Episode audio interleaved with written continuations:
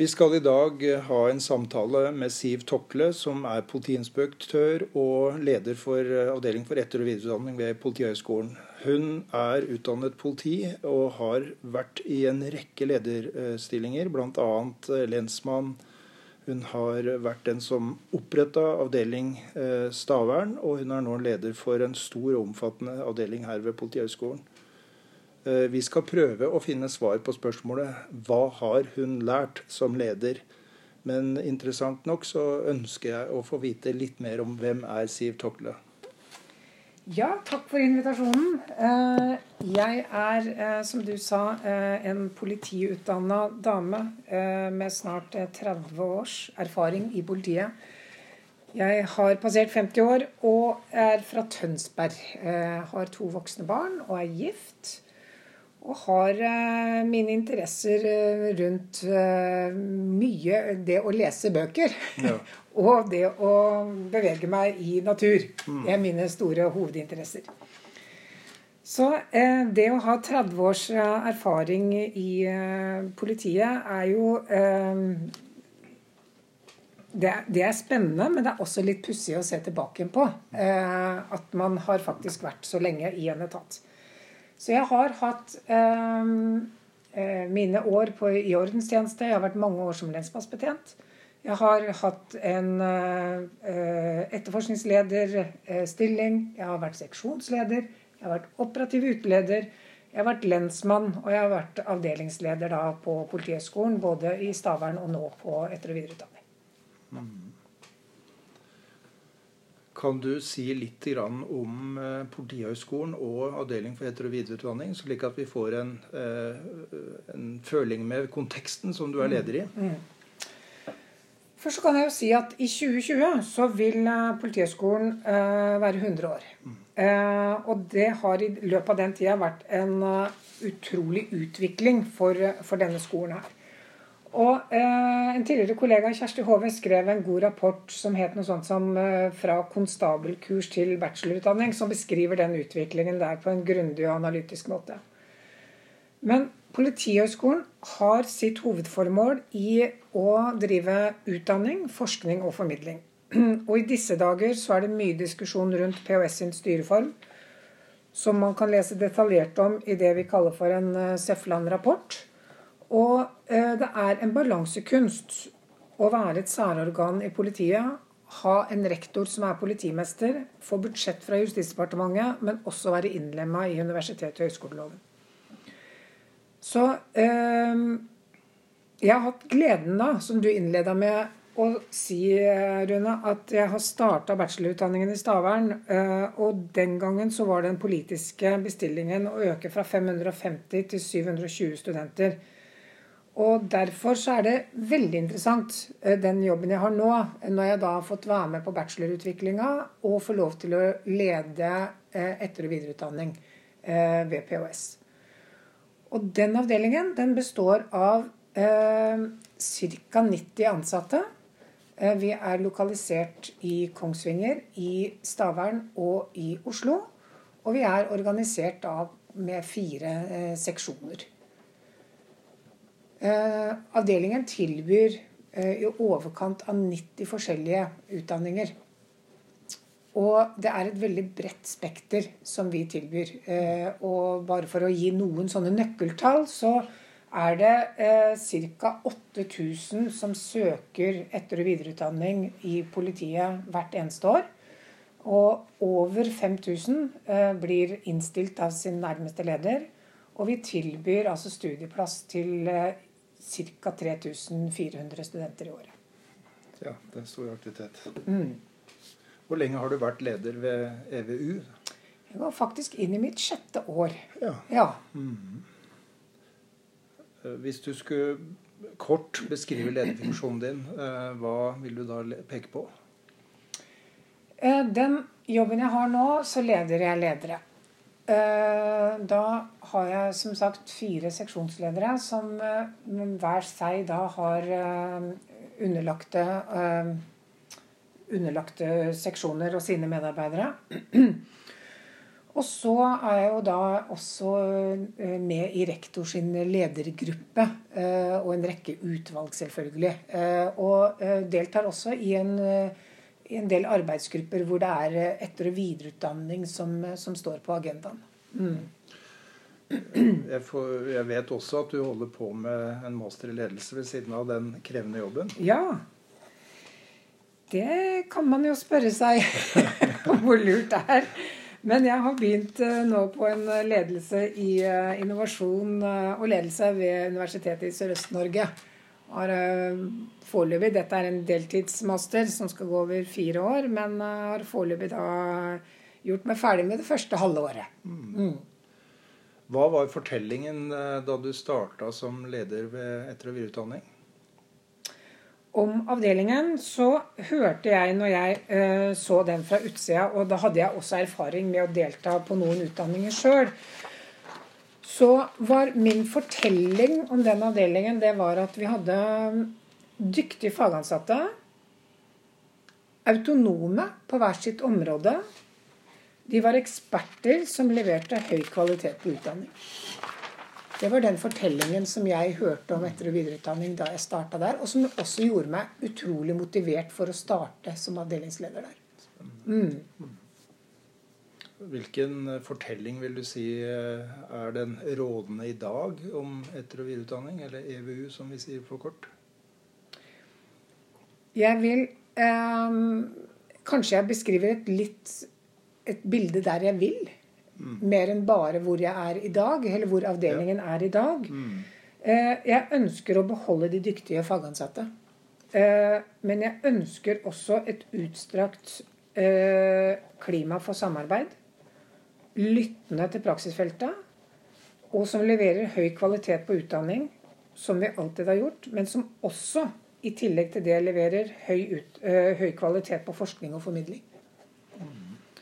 Så Derfor så har det vært et betydelig fokus øh, de årene her øh, på å løfte enkeltes kompetanse til master eller ph.d. eller førstelektornivå. Mm.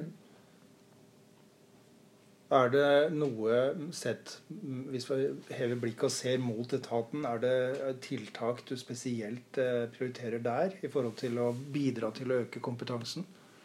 Det som vi står overfor nå, som er kanskje det mest eh, si, spennende, det er jo eh, det er etterforskningsløftet, blant annet. Mm. Eh, og så er det det som vi har kalt for OOO, som er en obligatorisk årlig opplæring. Eh, som skal gå både for eh, etterforskningspersonell, men også for de som er kombinert med patrulje. Og Der ser jeg for meg at Politihøgskolen skal tilby løsninger til et annet helhetlig vedlikeholdsprogram for norsk politi eh, fremover. Okay. Mm. Mm. Dette her handler jo grunnleggende sett om ledelse. Og ledelse kan jo forstås på ulike måter og, mm. og forklares i en rekke forskjellige perspektiver. Eh, vi vet at eh, en del, altså mye av ledelse er generelt, uansett hvilken organisasjon du er i. Det handler om oppgaver, mennesker og, og faktisk ledelse eller lederskap. Hva er, eh, hva er, det spesielle ved å være leder i politiet? Og neste spørsmål som kommer naturlig, hva er det spesielle ved å være leder ved en politihøyskole? Mm. Det, det, er litt sånn hvordan man definerer eh, ledelse her, eh, tenker jeg. Fordi eh, jeg tenker at hvor lengre ned du er i forhold til organisasjonen, hvor viktigere er det at du har fagkompetanse på det du skal lede. Og så går den eh, trekanten litt motsatt vei når du kommer høyere opp i en organisasjon. Da er det mer ledelse og mindre fag. Men En vanlig, en vanlig, definisjon jo, uh, på ledelse er jo å skape resultat gjennom andre. Uh, men så kan man jo problematisere det sånn som uh, andre har gjort også, og si at det strengt tatt ikke er en definisjon, men mer en krav til en stilling. og det For det jeg syns det mangler i den, da, det er å, å skape oppslutning om målretta samarbeid gjennom å gjøre det meningsfylt. Og det er noe annet enn styring, det er noe annet enn autoritet, og det er noe annet enn makt. Mm. Sånn at de store forskjellene for meg eh, når jeg går fra en innsatslederstilling da, i norsk politi, hvor tid er et veldig kritisk eh, faktor for hva som skal gjøres, så har jeg mye mer å si, tro på og forståelse for en klar ordrekultur. Eh, eh, tydelige tilbakemeldinger på hva som skal gjøres, hvem som skal gjøre det, eh, gjøre det og i hvilken rekkefølge vi skal gjøre det. Det er et stort gap fra den erfaringen jeg hadde derfra, til den erfaringen med å lede personer med langt høyere kompetanse enn seg selv. Mm. Sånn at Jeg har nok skifta litt sånn troa på, eh, eller mitt syn på, at man eh, til de grader skulle være den beste etterforskeren for å bli den beste etterforskningslederen. Mm. Men faktisk da se hen til eh, hvordan man skal kunne klare å få til et målretta samarbeid og gjøre det meningsfullt. Mm. Rett og slett. Mm. Og det der med meningsskapning, det tror jeg er viktigere og viktigere. Det er viktigere for folk å skjønne hvor og i hvilken kontekst er det mitt bidrag skal gjøre seg gjeldende. Eh, hva vil skje hvis jeg ikke bidrar her? Mm, mm. Hvilke konsekvenser får det i den store maskineriet? Å klare å se det, det tror jeg er en, en viktig, viktig, del av det, rett og slett. Men du spurte om hva som var det spesielle Ja, eller spesifikke er også et annet ord å bruke på det. Ja, og det, eh, det spesifikke i, eh, i enhver leders hverdag, tenker jeg, er kontekst. Mm. Du må vite hvilken kontekst du opererer i, rett og slett.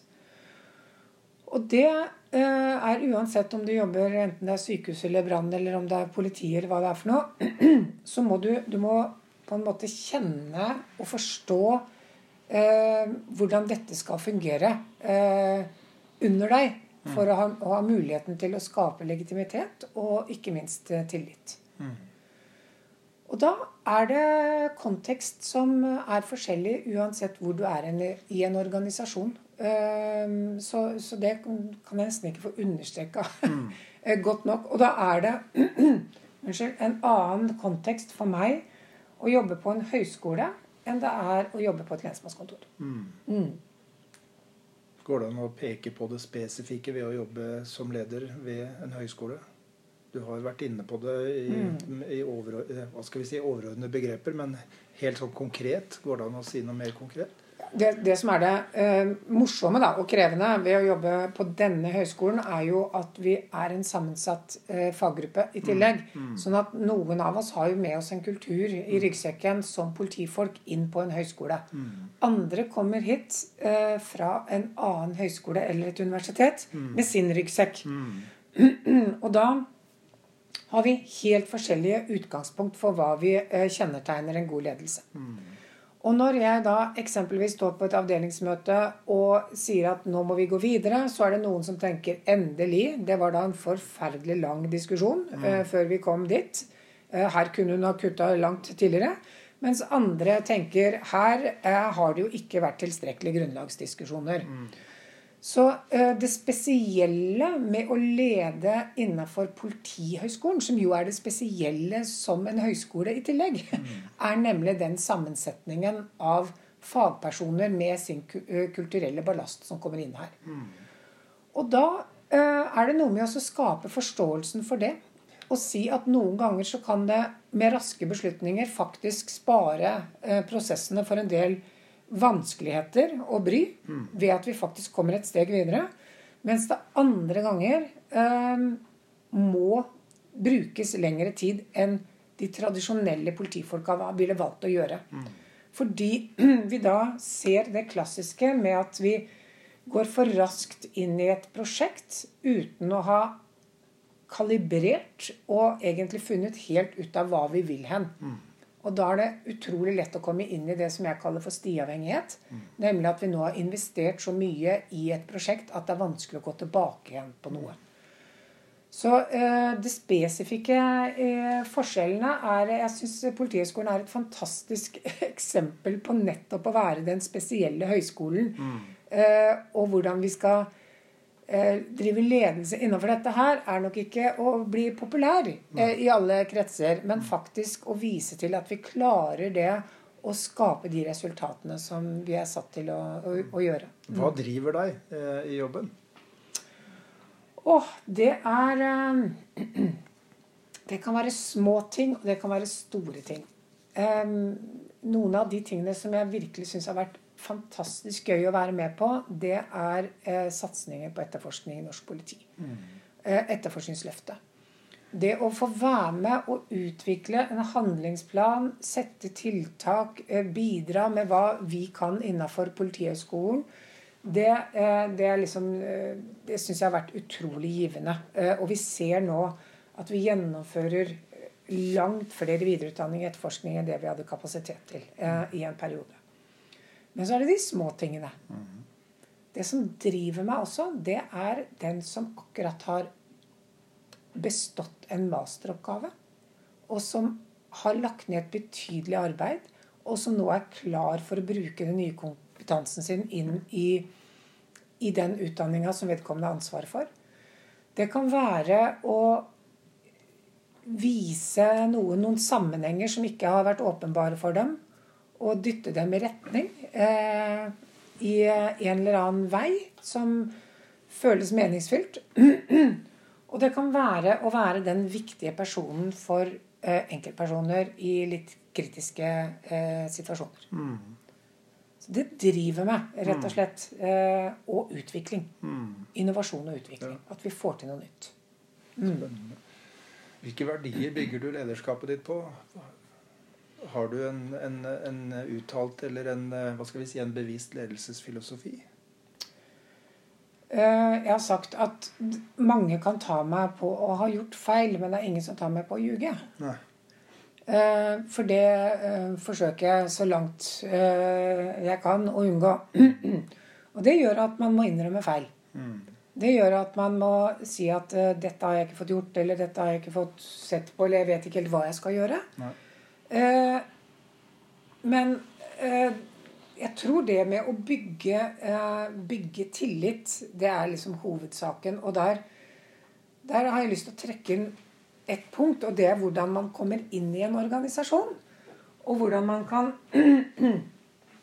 oppleve seg ønska inn i en organisasjon eh, fordi det har vært en spennende søknadsprosess, eller det har vært, du har vært i konkurranse med andre. Eh, eller det motsatte, at man eh, får en stilling og blir sideforflytta, f.eks. Mm. Og det i seg sjøl kan skape en, en start på ledergjerningen din som kan, du kan bruke veldig mye lengre tid på det ene eller det andre med å bygge den nødvendige tilliten og klare å lede ut ifra de verdiene som du ønsker da, eh, på måten du har blitt rekruttert, rett og slett. Mm. mm. Skjønner.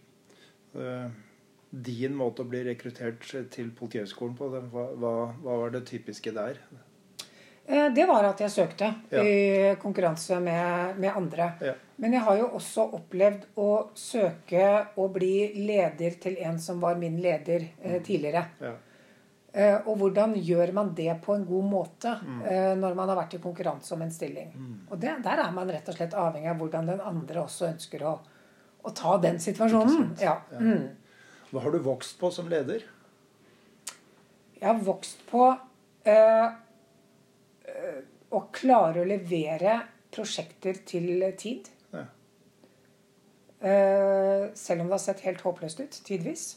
Uh, da vi starta opp i Stavern, så starta jeg i mars og skulle starte Politihøgskolen i august. Det er veldig kort planleggingshorisont. Mm. Det har jeg vokst på. Mm. At vi klarte det. Mm.